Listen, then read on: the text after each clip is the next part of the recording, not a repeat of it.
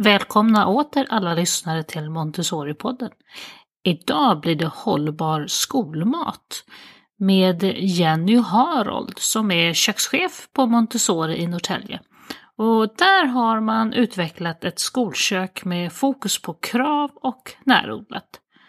Låter det dyrt och krångligt? Ja, faktiskt inte enligt Jenny, men däremot så kräver det ett stort engagemang. Vilket Jenny verkligen har, som ni kommer att höra. Deras arbete har blivit prisat av White Guide för hållbar offentlig gastronomi med motiveringen för att man lyckats ta ett helhetsgrepp om måltiderna genom att agera långsiktigt och ansvarsfullt och för att man varje dag strävar efter att bjuda på skolmat som är både god och hållbar. Lyssna på Jenny för inspiration kring hållbar skolmat. Och när du har gjort det, missa inte att ge podden ett betyg i din poddspelare. Den funktionen har ju funnits länge i Apple Podcasts eller iTunes som det hette förut. Och nu har det även dykt upp i Spotify och finns säkert på andra plattformar också. Hjälp fler att hitta till Montessori-podden på det sättet. Nu lyssnar vi på Jenny.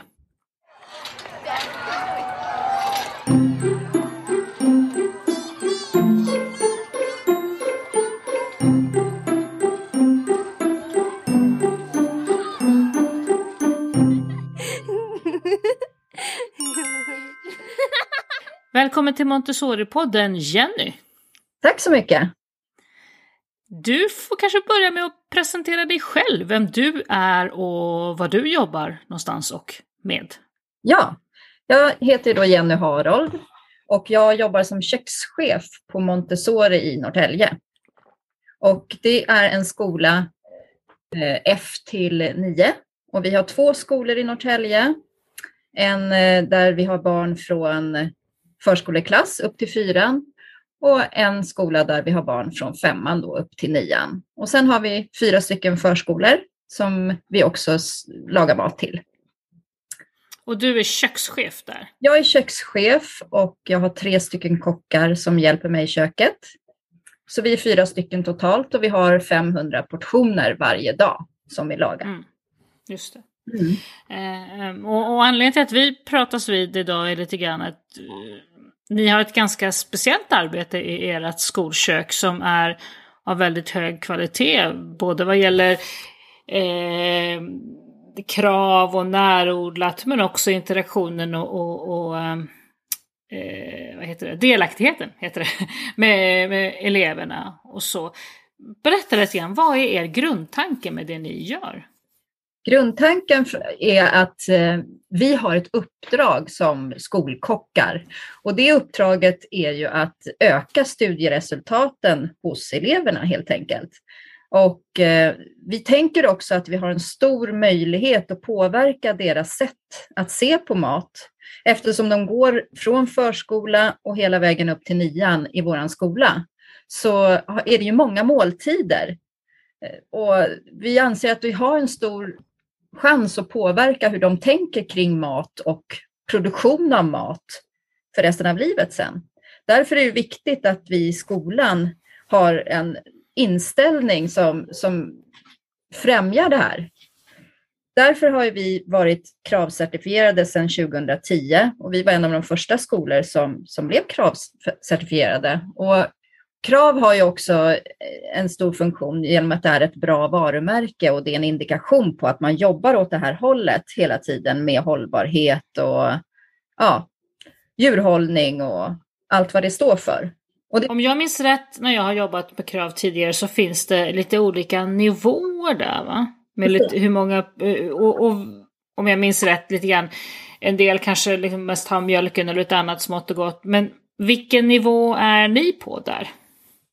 Krav har ju precis gjort om sina nivåer och nu ligger vi på en nivå som kallas för silver och då har man 60 procent krav och eh, ekologiskt och MSC-märkt i köket. Mm. Mm. Så det är där vi ligger nu. Eh, och anledningen också till att vi inte är 100 procent krav, det är ju för att vi har en del eller en stor del, lokala leverantörer och alla de är inte kravcertifierade. Men vi tycker att det är viktigt att de kommer med som våra leverantörer. Eh, och, och, och, anledningen till att de inte är kravcertifierade, om jag förstår det rätt, är för att det faktiskt kostar pengar och är lite krångligt som leverantör. Ja, och det är många som inte har kommit dit ännu. Det är svårt, till exempel för bagerier och, och ja, som till exempel Fogdö Lax, där vi handlar all vår lax. De har ju också väldigt svårt att bli kravcertifierade på grund av regelverket. Det är ganska krångligt just kring eh, laxproduktion. Mm. Så de som inte är det, där är det snarare så att ni gör en slags bedömning om att vi tycker ändå att det här är okej och passar in liksom i vårt sätt. Precis så är det. Mm. Mm. Och ni har ju, jag såg här att ni har ju 2016 så fick ni ett eh, pris i det här White Guide. Precis, det har vi fått flera gånger. Vi har ju varit nominerade i många år och tagit pris fem gånger. Eh, ja, vi har vunnit en gång och kommit tvåa två gånger ja, och sen lite annat. Men vi har vilken, kat vilken kategori är det då som ni har fått pris i? Vi har fått i kategorin som heter Årets hållbara gastronomi och även i någonting som heter Hållbarhetspriset. Mm. Mm. Det är lite roligt, jag tror inte det är många skolrestauranger som kan sätta den White Guide-klistermärket på sin dörr. Nej, det är fler och fler i alla fall. När vi började ja. så var det inte många, men fler och fler satsar ju på det här och tycker att det är roligt. Och det främjar ju alla, verkligen. Mm. Mm. Det är viktigt. Och barnen framför allt och ungdomarna tycker också att det är jättekul. Ni byggde ju upp vad jag förstår det här skolköket lite grann från början, eller hur? Hur började det hela? Det började med att eh, jag jobbade på den här skolan där jag sitter nu i Vigelsjö i Norrtälje, som då var en kommunal skola där jag var kökschef. Och så fick jag förmånen och chansen att fortsätta att vara kökschef när den här skolan då blev en Montessori-skola. Och det här var alltså 2008. Och sedan dess så har jag jobbat här och eh, när den här skolan var kommunal så satt ju jag med en upphandlingsperm som inte var så rolig. Det var väldigt lite råvaror och väldigt mycket halvfabrikat och inga lokala producenter var med i den här upphandlingen. Så när Montessori-skolan då flyttade in i de här lokalerna och jag började som kökschef här, då slängde jag ut den där permen helt enkelt och ringde mm. upp de här lokala leverantörerna och frågade om de vill vara med på vår resa. Och sen har vi jobbat utefter det hela tiden. Och det har blivit fler och fler som vill vara med och det är ju jätteroligt. Och det har ju resulterat i att, att barnen vet om de här leverantörerna framför allt eftersom de har möjlighet att åka på studiebesök dit. Vilket gör att de gärna väljer de här produkterna även när de är och handlar med sina föräldrar i affären. Mm. Det blir ju en väldig win-win situation för alla. Verkligen. Dessutom så är det ju väldigt enkelt för oss att ha lokala leverantörer eftersom vi inte behöver följa någon basmatsedel som man måste göra i en kommunal verksamhet, utan vi kan ju med ganska kort varsel ändra i våran matsedel.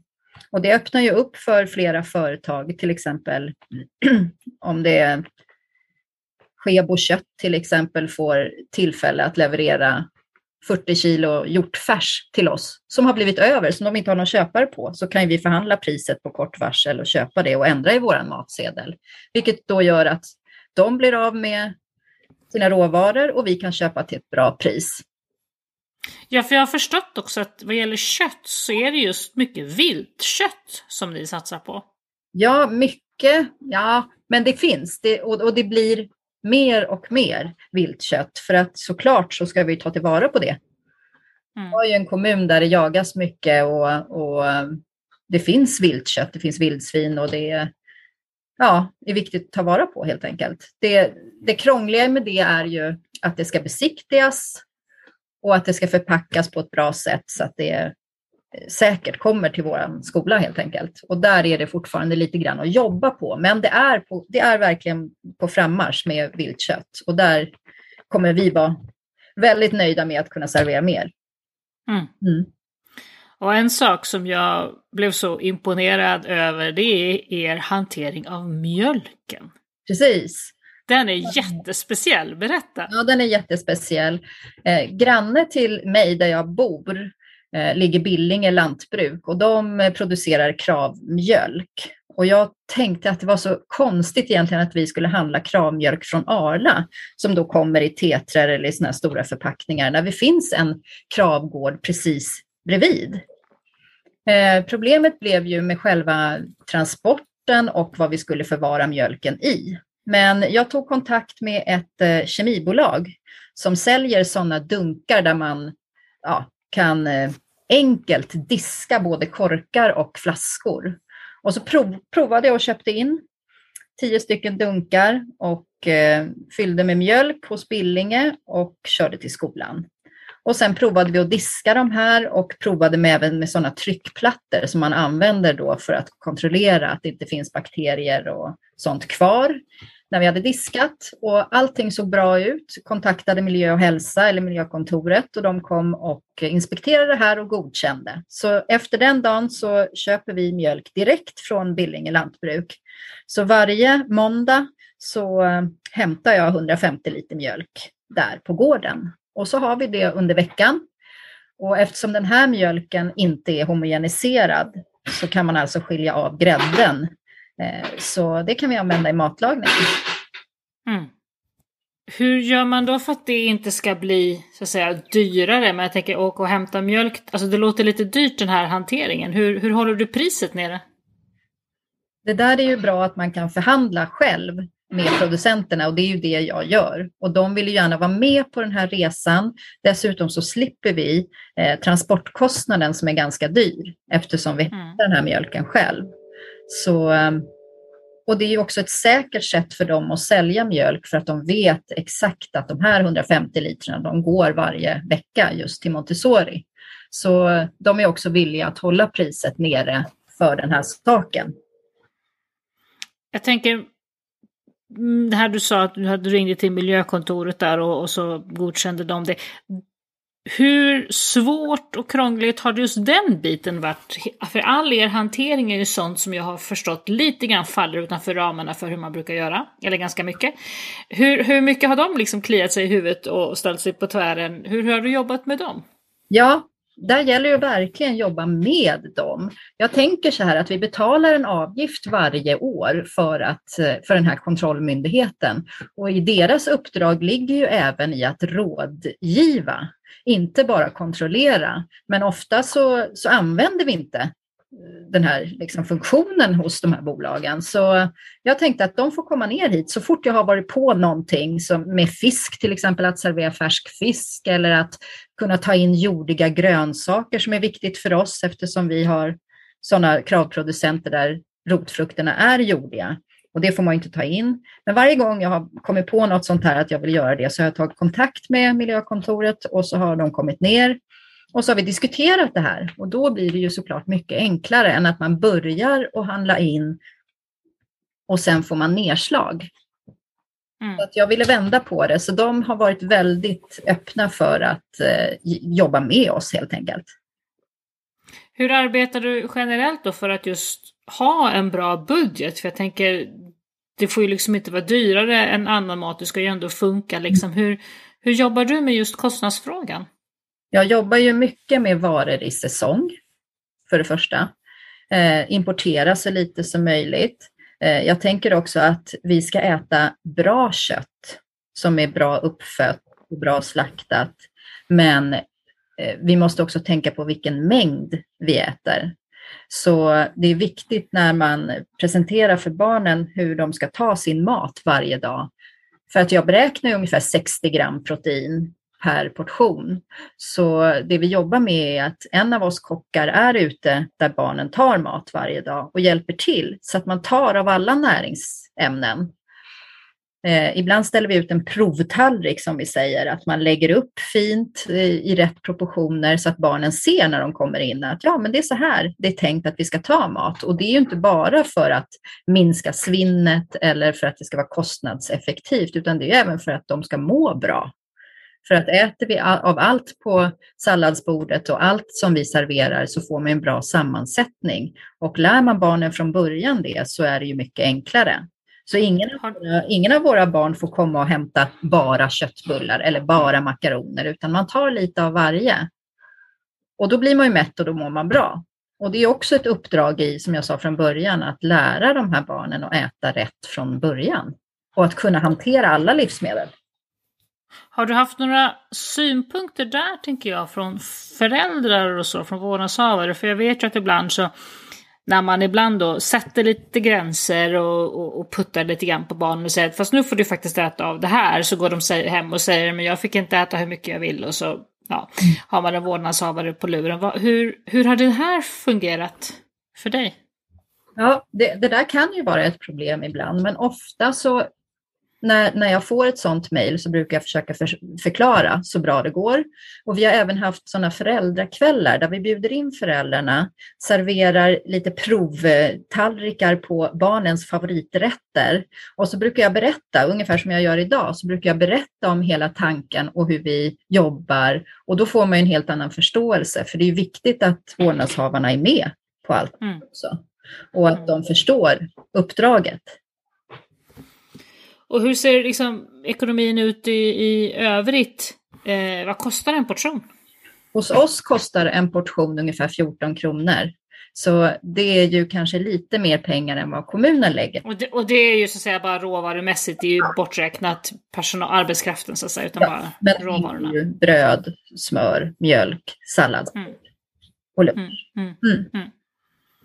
Och du varierar då, tänker jag, sånt som kostar lite mer och sånt som kostar ja. lite mindre i matsedeln. Precis. Jag ägnade väldigt eh, lång tid i början på att räkna ut portionskostnaden eh, på olika rätter. Det tyckte jag var lite spännande. Så jag räknade ut att till exempel har vi tacobuffé så kostar det 23 kronor per portion i råvarukostnad. Men serverar vi ost och broccolisoppa så kostar det ungefär två kronor.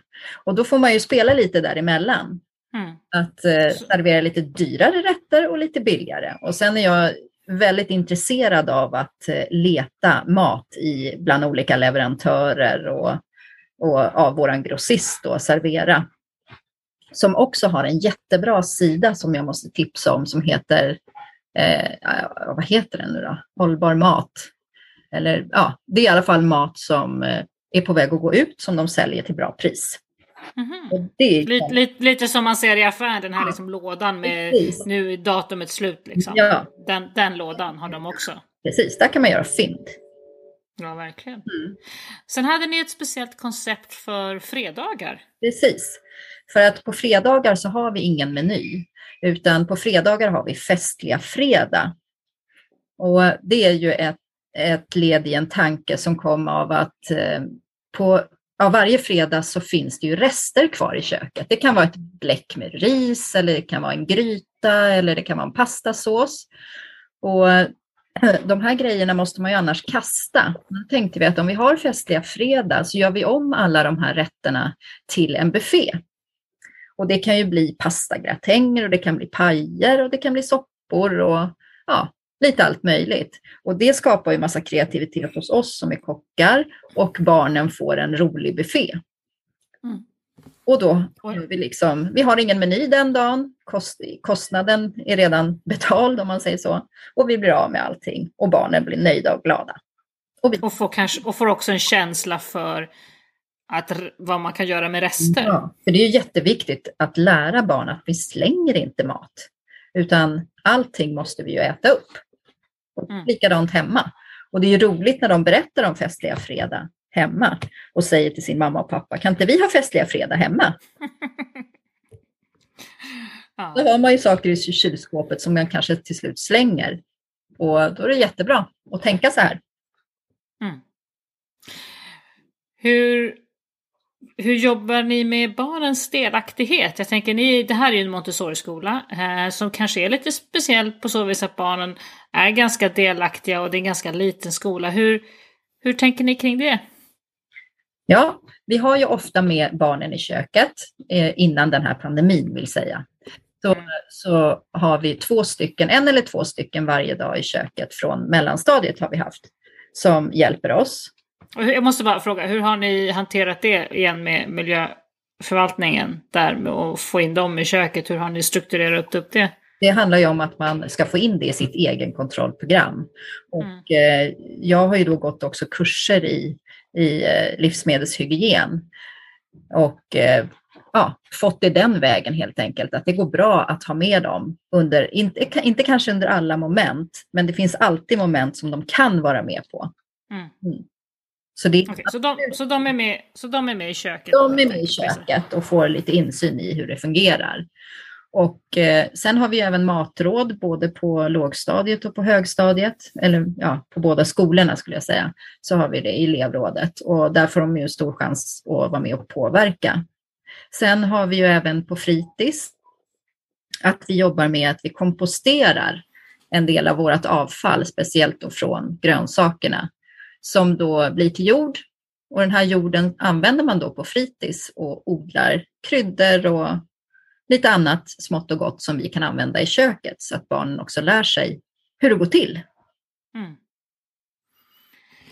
Eh, och om man nu vill liksom börja med sånt här eh, tänk eh, och har ett vanligt tillagningskök idag.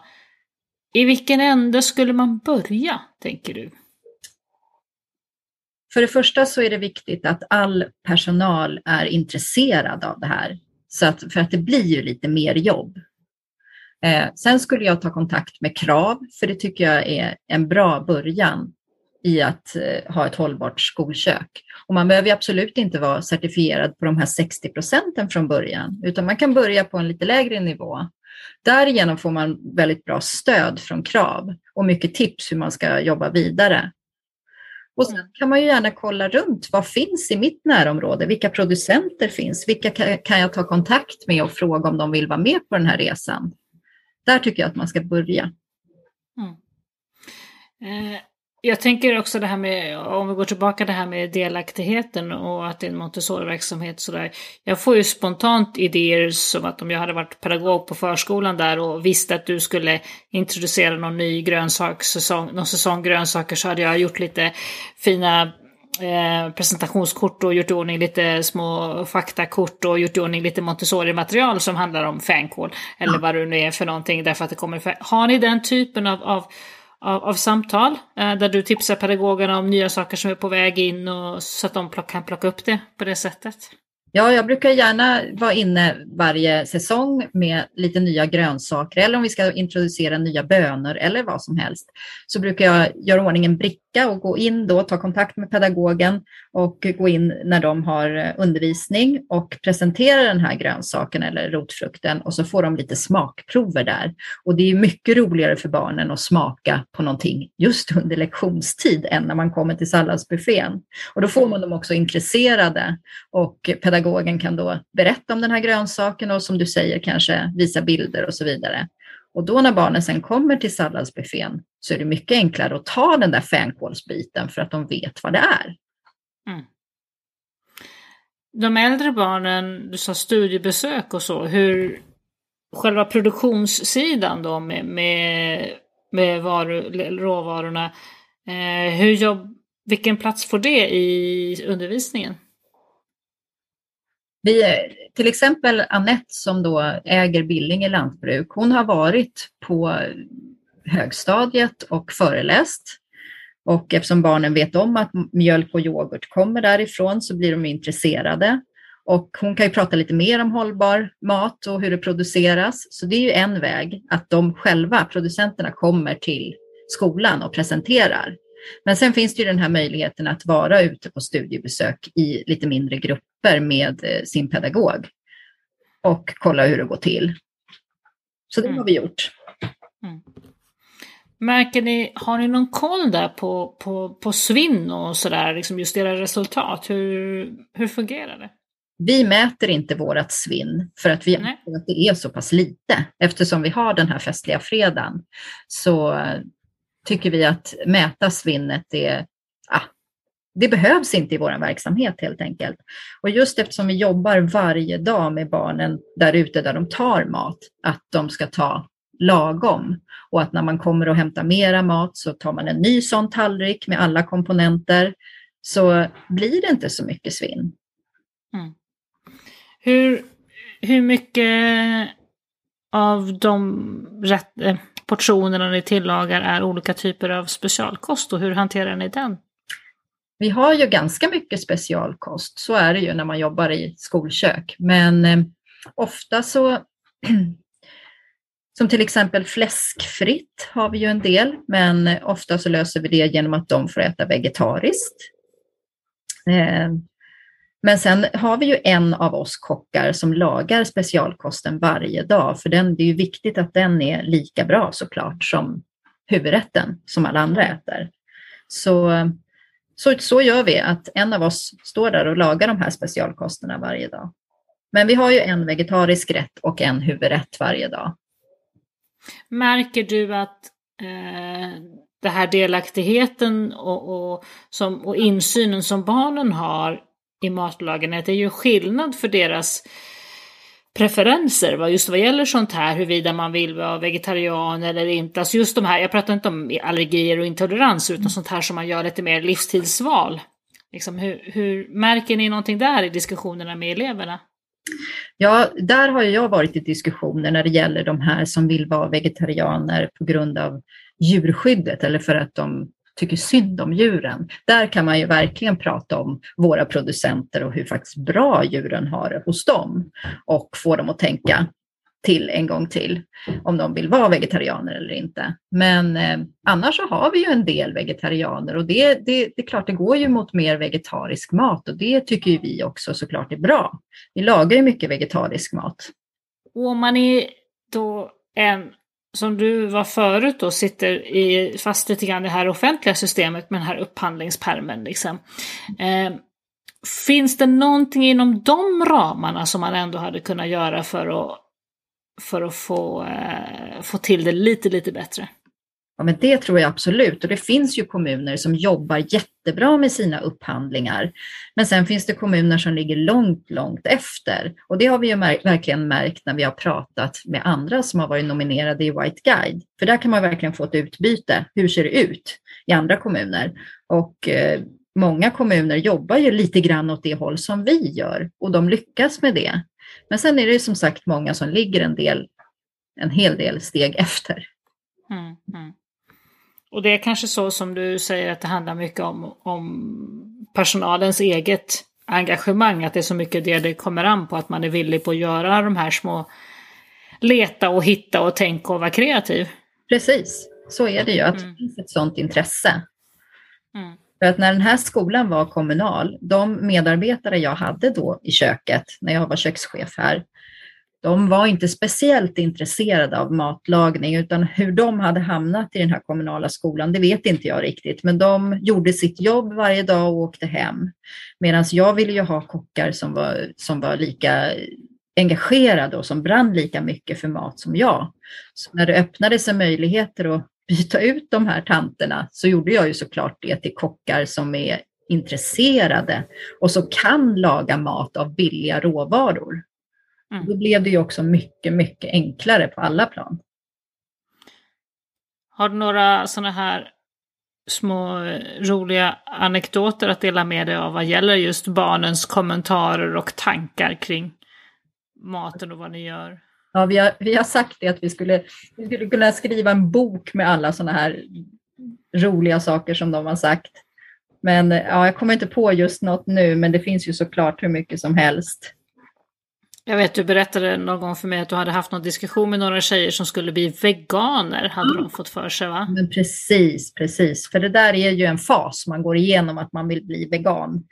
Och, eh, eller de ville bli vegetarianer och de var fem stycken tjejer som skulle börja sjuan och det var precis i början på terminen som de ville att jag skulle vara med på ett möte där de förklarade att vi vill bli vegetarianer.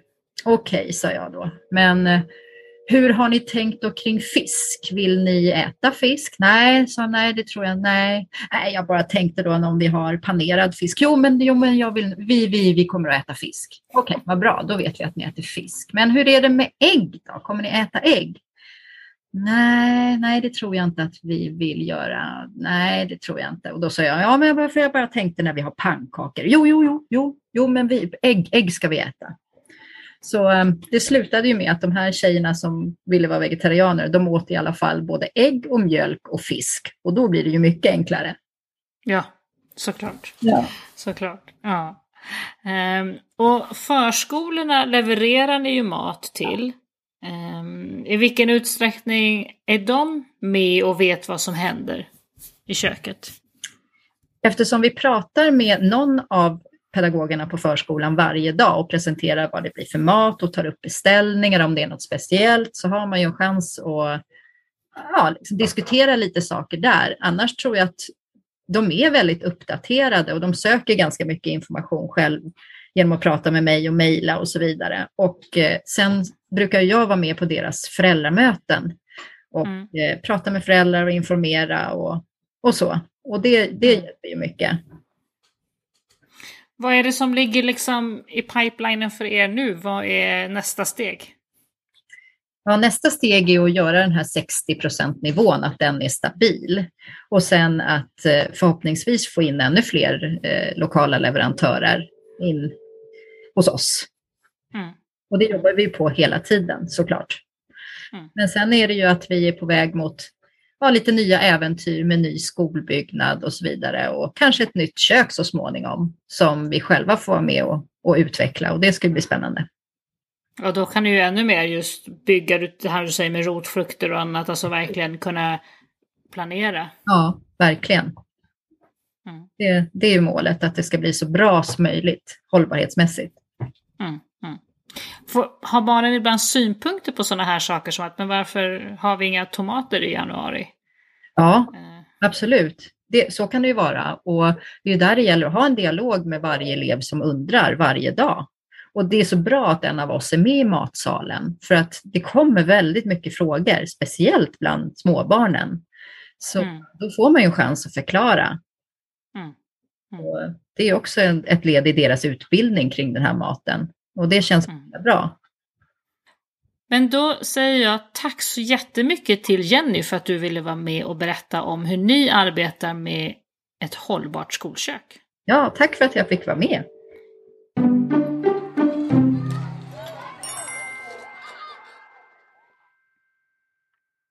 Tack för att du har lyssnat. Glöm inte att ge oss ett betyg i din poddspelare. Montessoripodden produceras av Montessori Förskolor och skolor i Sverige AB. Du kan läsa mer om oss på montessorisverige.se.